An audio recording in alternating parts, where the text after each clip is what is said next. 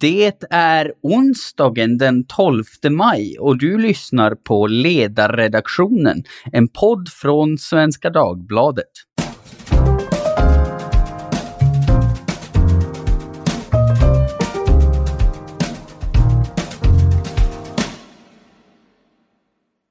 Jag heter Jesper Sandström och idag ska vi prata om vård, mer specifikt och hur svensk vård skulle kunna vara organiserad på andra sätt och förhoppningsvis fungera lite bättre. Vården har ju av förklarliga skäl varit i tydligt fokus under det gångna pandemipräglade året och det lär den fortsätta vara när brister ska analyseras och lärdomar dras.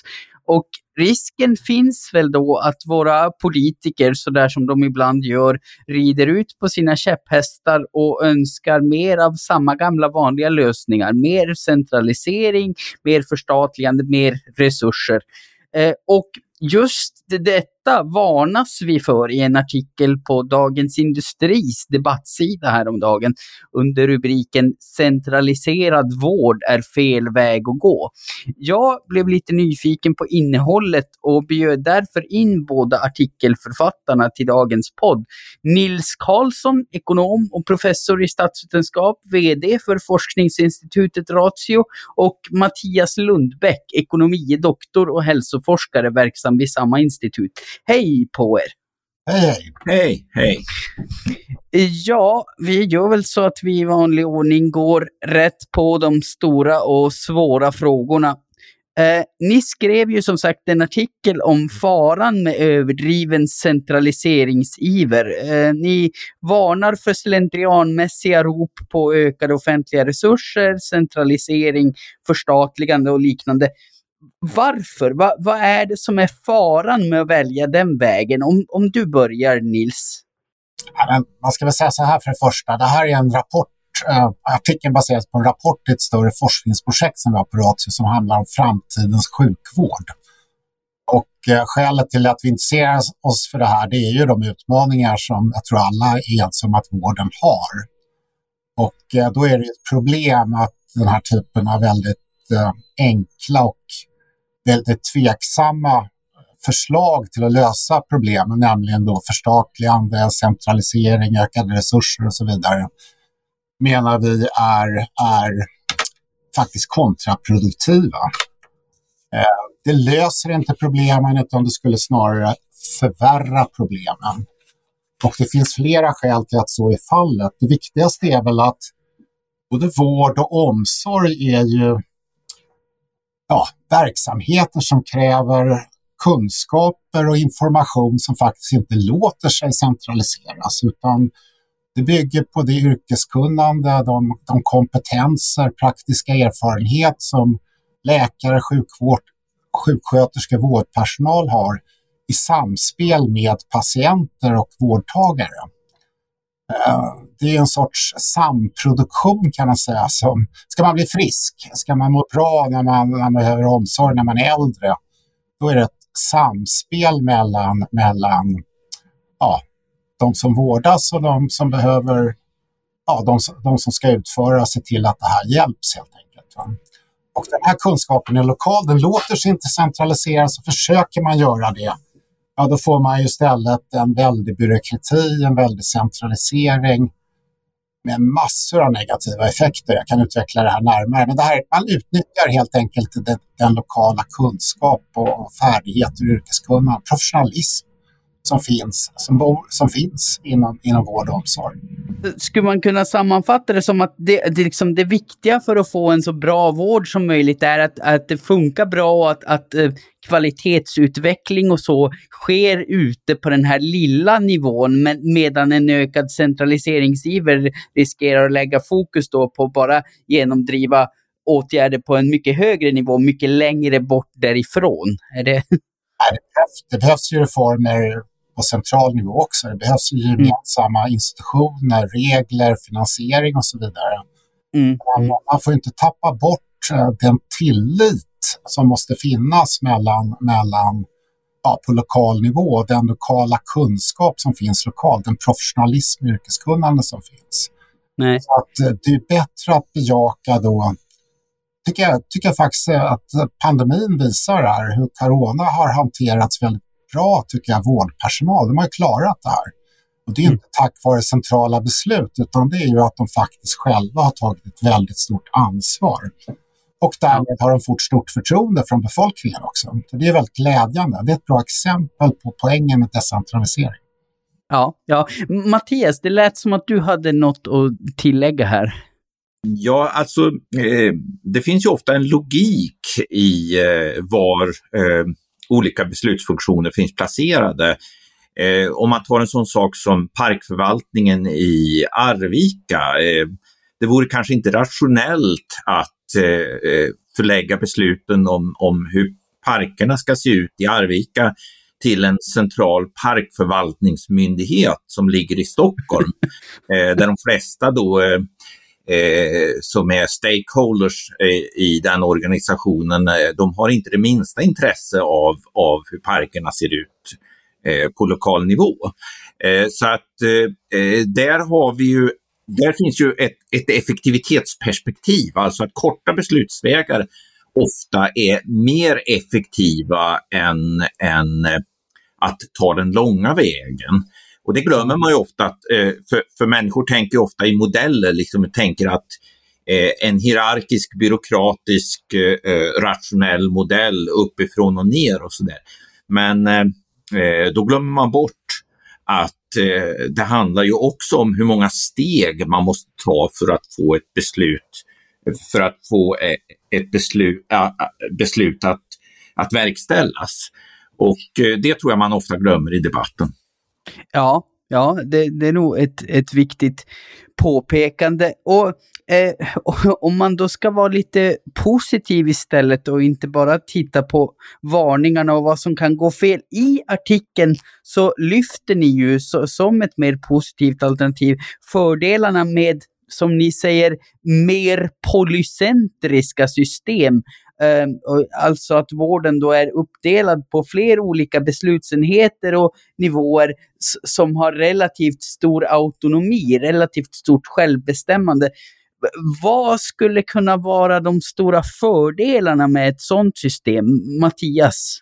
Jag tror att eh, eh, förutom då kortare, kortare beslutsvägar eh, som kan vara en fördel eh, med att ha lokala organisationer så handlar det också om det man brukar kalla för institutionell konkurrens. Alltså att eh, olika aktörer har möjlighet att lösa problem. Det vill säga om en aktör eh, misslyckas, om till exempel kommunen misslyckas med att eh, lösa ett problem åt medborgarna, ja då kanske medborgarna eh, väljer bort kommunerna, kanske slår sig ihop i en ideell organisation och så eh, tillsätter man en styrelse och så försöker man lösa problemet på egen hand.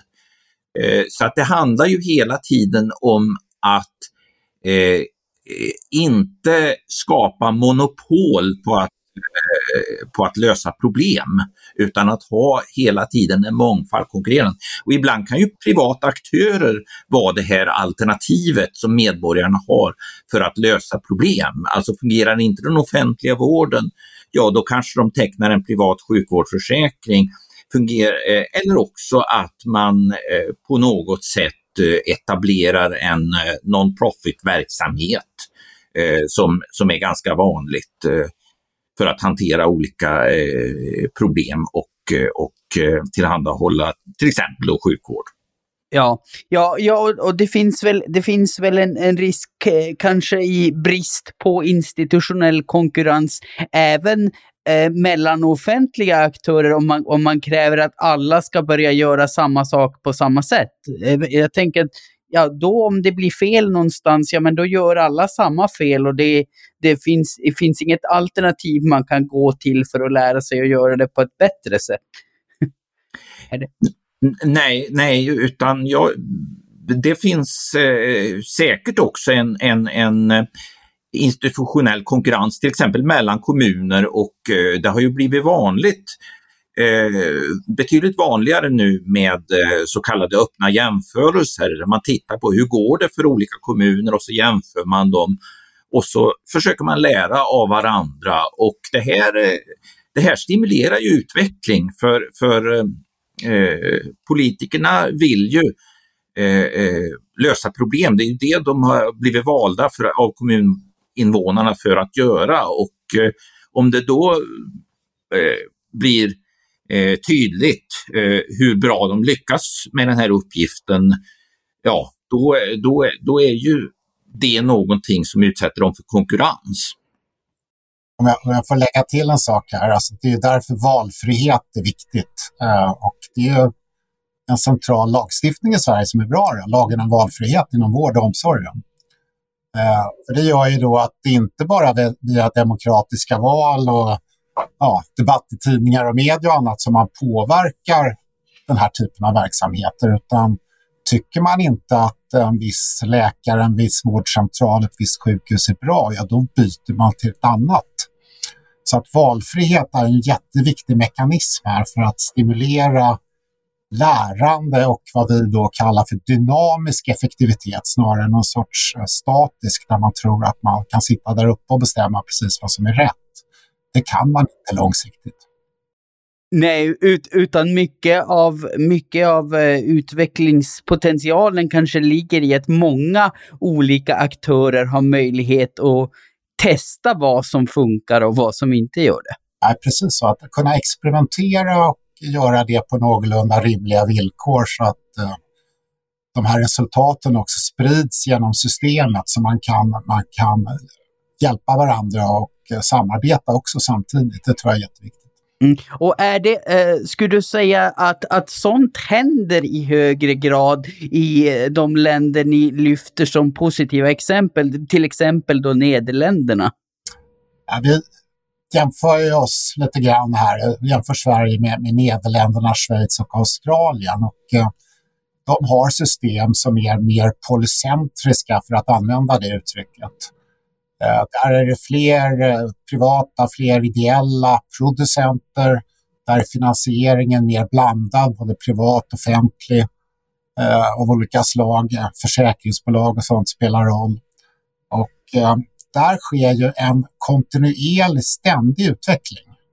Det är inte så att man måste ha stora centrala statliga beslut om att nu ska vi ha en sjukvårdsreform, utan här är det ständiga förbättringar på det lokala planet som finns och det här utvecklar systemet eh, ja, bättre är vi övertygade om än den här typen av centraliserade reformer som kan bli fel och kan bli bra i vissa fall naturligtvis. Ja, ja. Och eh, eh, i, i den svenska debatten så känns det ju ofta som att ja, men de här ropen på centralisering och, och, ökad standardisering, eller vad man ska säga, det, det, är något slags, det är något slags rop på trygghet för att man, man vill nästan skrämmas med att, ja men om människor har en massa möjligheter att välja, då, då har de också liksom möjligheten att välja fel då, då finns det eh, risk att vissa får bättre vård och andra sämre. Va, va, vad svarar man åt dem? Liksom? Hur, hur övertygar man sådana människor om att nej, men ett sånt här mer polycentriskt system med fler små aktörer kan faktiskt ge bättre vårdkvalitet? Ja, politiker har ju den tendensen att de tror vad som är bäst för folk. Eh, och det är ju inte särskilt lyckat helt enkelt. Va? Det undergräver ju politikens förtroende och annat långsiktigt på ett väldigt skadligt sätt i vid bemärkelse. Utan det gäller att förklara att eh, det fungerar inte långsiktigt med de här kömiljarderna och ökade centraliseringen och den här typen av enkla lösningar. Utan vi måste bygga ett system som är, ja, utvecklas över tid på ett kontinuerligt sätt då tror vi att den här typen av, av, eller vi är övertygade om att den här typen av mer polycentriska system är helt överlägsna. Inte minst inom sjukvård. Nej. Det är ju helt klart att det behövs eh, gemensamma regler och eh, eh, riktlinjer och så, men det, samtidigt så är det väldigt ofta så att eh, de här riktlinjerna, ja de kan antingen tillkomma därför att eh, staten eh, stiftar lag. Eh, men i väldigt många fall så ser vi att, eh, att eh, normerna och reglerna kommer till där eh, genom frivillig samverkan. Och tar vi ett svenskt exempel på en, en organisation som, som koordinerar Sveriges kommuner och regioner, SKR till exempel, så har ju de en eh, väldigt stor roll eh, i det svenska samhället och fyller eh, många av de funktioner som, som i en del andra länder eh, eh fylls av, av eh, lagstiftning istället. Mm, så de är i sig ett exempel på att liksom, frivilligt utarbetade normer kan fungera minst lika bra som lagstiftningsmässigt tvingande sådana. Ja, i, i, i många fall alltså. Ehm, och vi ser ännu mer långtgående exempel. Eh, om man tittar på Schweiz till exempel, där det är väldigt svårt att eh, fatta några centrala beslut överhuvudtaget. Så man ändå lyckats med eh, i stor, stor utsträckning att normera och att hitta hitta lösningar på de här problemen som, som man ändå måste lösa gemensamt. Mm. Mm, mm. Ja, det, det är ju intressant. Det, det kanske, kanske kan vara en indikation på att den här rädslan för, för allt för mycket pluralism är, är lite överdriven ibland. Men, men om man då ska vara lite djävulens advokat, även om centralisering eh, som universallösning är en dålig idé. Finns det några delar av vården som faktiskt skulle kunna tjäna på en ökad centralisering, till exempel hantering av journaler och andra patientdata över regiongränser. Vad, vad säger du Nils? Nej, men det är ju absolut så att ett sånt här och det tycker jag är poängen med den här typen av analys vi gör, att det är en kombination av statlig finansiering måste vi ha, eh, vi måste ha statlig reglering i viss utsträckning. Eh, och, och eh, ja, vi, vi nämner själva det här med gemensamma journaler borde ju finnas naturligtvis gemensamt över alla landsting eller alla regioner i Sverige så att Eh, eh man kunde sköta det här mer effektivt. Men eh, lagen om valfrihet nämnde jag tidigare, men det är klart att det behövs legitimationer, det behövs alla möjliga normer som är gemensamma för att det handlar om kvalitet det här i grunden. Det får inte bli för mycket. I Sverige har vi detaljreglering. Både Socialstyrelsen och Inspektionen för vård och omsorg gör ju att frihetsgraderna lokalt är alldeles för små. Eh, och det här förvärras ju genom de här systemen, genom offentlig upphandling som vi använder oss av. Så att möjligheterna till lokala experiment, till innovationer, till entreprenörskap är alldeles för begränsade i Sverige. Så det gäller att hitta en balans här, inte detaljreglering men gemensamma normer och övergripande system, det behöver vi definitivt. Mm. Gemensamma normer, men, men sen ganska brett spelrum inom de normerna snarare än, ja, än detaljstyr. Alltså, det finns en forskare som jag är väldigt influerad av i andra sammanhang. Han skrev en bok för några år sedan, Richard Epstein heter han, som heter Simple Rules for a Complex World. Och jag tror det ligger väldigt mycket i det här att en komplex värld behöver några få enkla regler för att kunna hantera den här variationen och mångfalden och lokala kunskapen och så vidare på ett vettigt sätt. Eh, det är inte så att vi behöver mer regler för att världen blir mer komplex, tvärtom. Utan jag tror att vi får rensa upp i den här floran av centraliserade regler och försöka stärka den lokala autonomin. Det tror jag skulle vara väldigt bra för svensk vård och omsorg. Ja, Ja, eh, ja det, det, låter ju, det låter ju lovande. Mattias, har, har du något att tillägga om det? Se, ser du framför dig någon, någon centralisering, någon typ av centralisering som faktiskt skulle kunna vara bra om den görs på, på rätt sätt?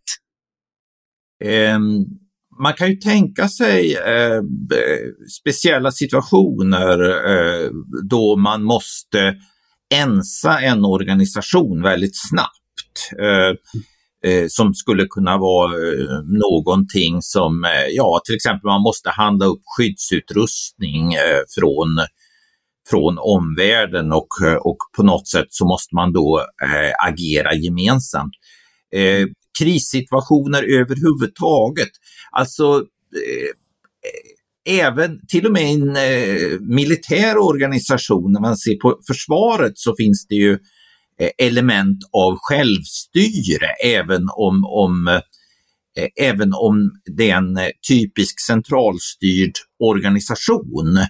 Mm. Men då kanske i den typen av organisationer ska man lösa en bestämd uppgift, ja då kanske man förlitar sig ganska mycket på eh, den här hierarkiska modellen. Eh, mm. Men i, eh, när det gäller vård och omsorg och välfärd eh, så är, handlar det mycket mer om att känna av vilket är medborgarnas behov. Det handlar om att anpassa sig till lokala förhållanden och det är en hel del uppgifter som faktiskt kan vara svårare att lösa i en, eh, i en eh, traditionell eh, hierarkisk organisation. Så att, eh, och där behövs, eh, där behövs eh, den, eh, det entreprenörskap eh, som eh, man kan se i, i, i, i mer polycentriska strukturer.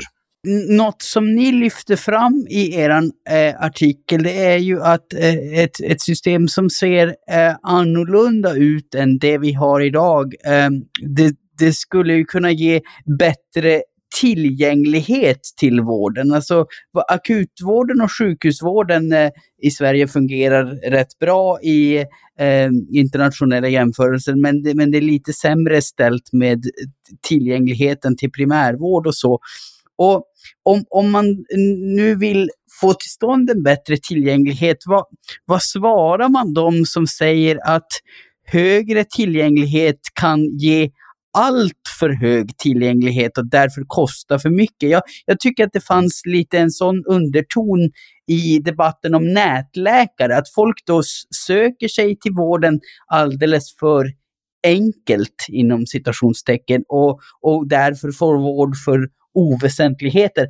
Är högre tillgänglighet till, till exempel till primärvård alltid ett eftersträvansvärt mål? Va, vad säger du Mattias?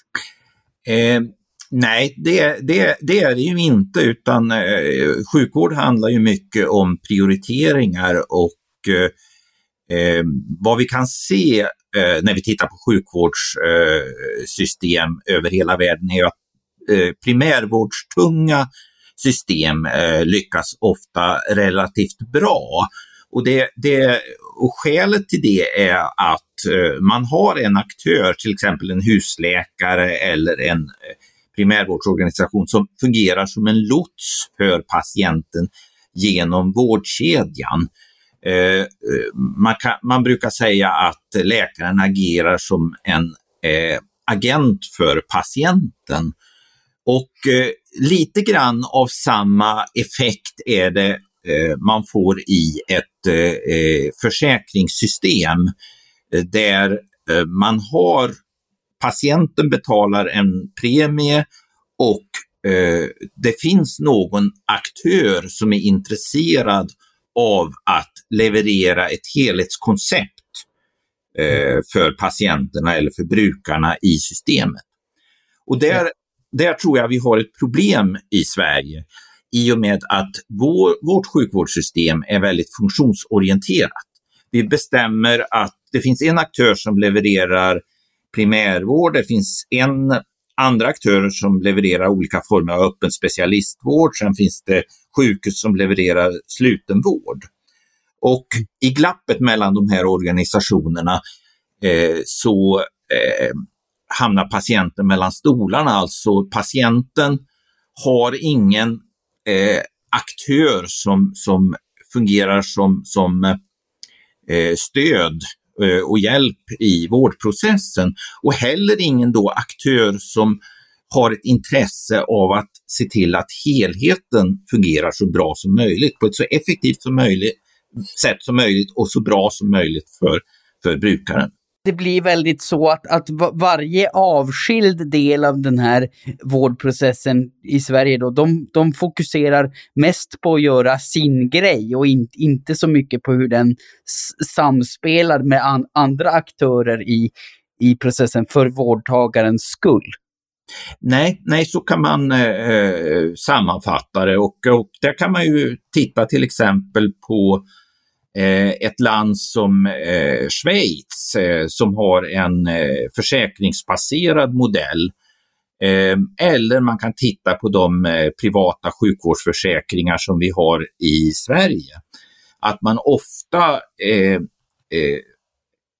etablerar en, en funktion som har, har som roll att, eh, att stödja patienten i, i vårdprocessen och även, även tidigt liksom eh, i, i eh, när man första gången söker, söker vård så finns en behovsbedömning, eh, det finns en rådgivning och, eh, och eh, senare så kommer man vidare till andra, andra delar av sjukvården. Då. Men man har en guide och i, i Schweiz så har det eh, spontant vuxit fram eh, Eh, så kallade Health Maintenance Organizations eh, som då eh, tar ansvar för att etablera de här eh, vägarna i, i, i vården för patienten som, som gör att alla de här olika delarna eh, fungerar tillsammans.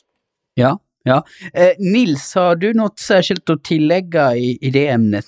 Jag har lyssnat på det här. Jag tycker Mattias ger ett bra svar. Men som ett tydligt exempel på där det inte fungerar i Sverige, det är ju att, att man går till akuten om man blir förkyld eller man känner sig orolig eller vad det nu kan vara för någonting. Alla som har besökt en akutmottagning vet hur det brukar se ut där. Så att, eh, där är tillgängligheten för hög skulle man kunna uttrycka det som.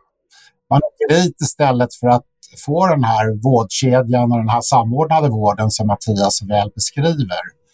Utan vi har ett systemfel här i svensk sjukvård. Det är ju inte alls bra att blanda både ja, riktigt akut sjuka patienter med de som kommer dit med åkommor som borde hanteras på ett helt annat ställe och på en helt mm. annan nivå. Nej, så, så att den mest lättillgängliga vården är fel typ av vård. Ja, i Sverige är det faktiskt så. Det, det, är för komplicerat för många människor att hitta den primärvård som man skulle behöva. Tillgängligheten är för låg på det området.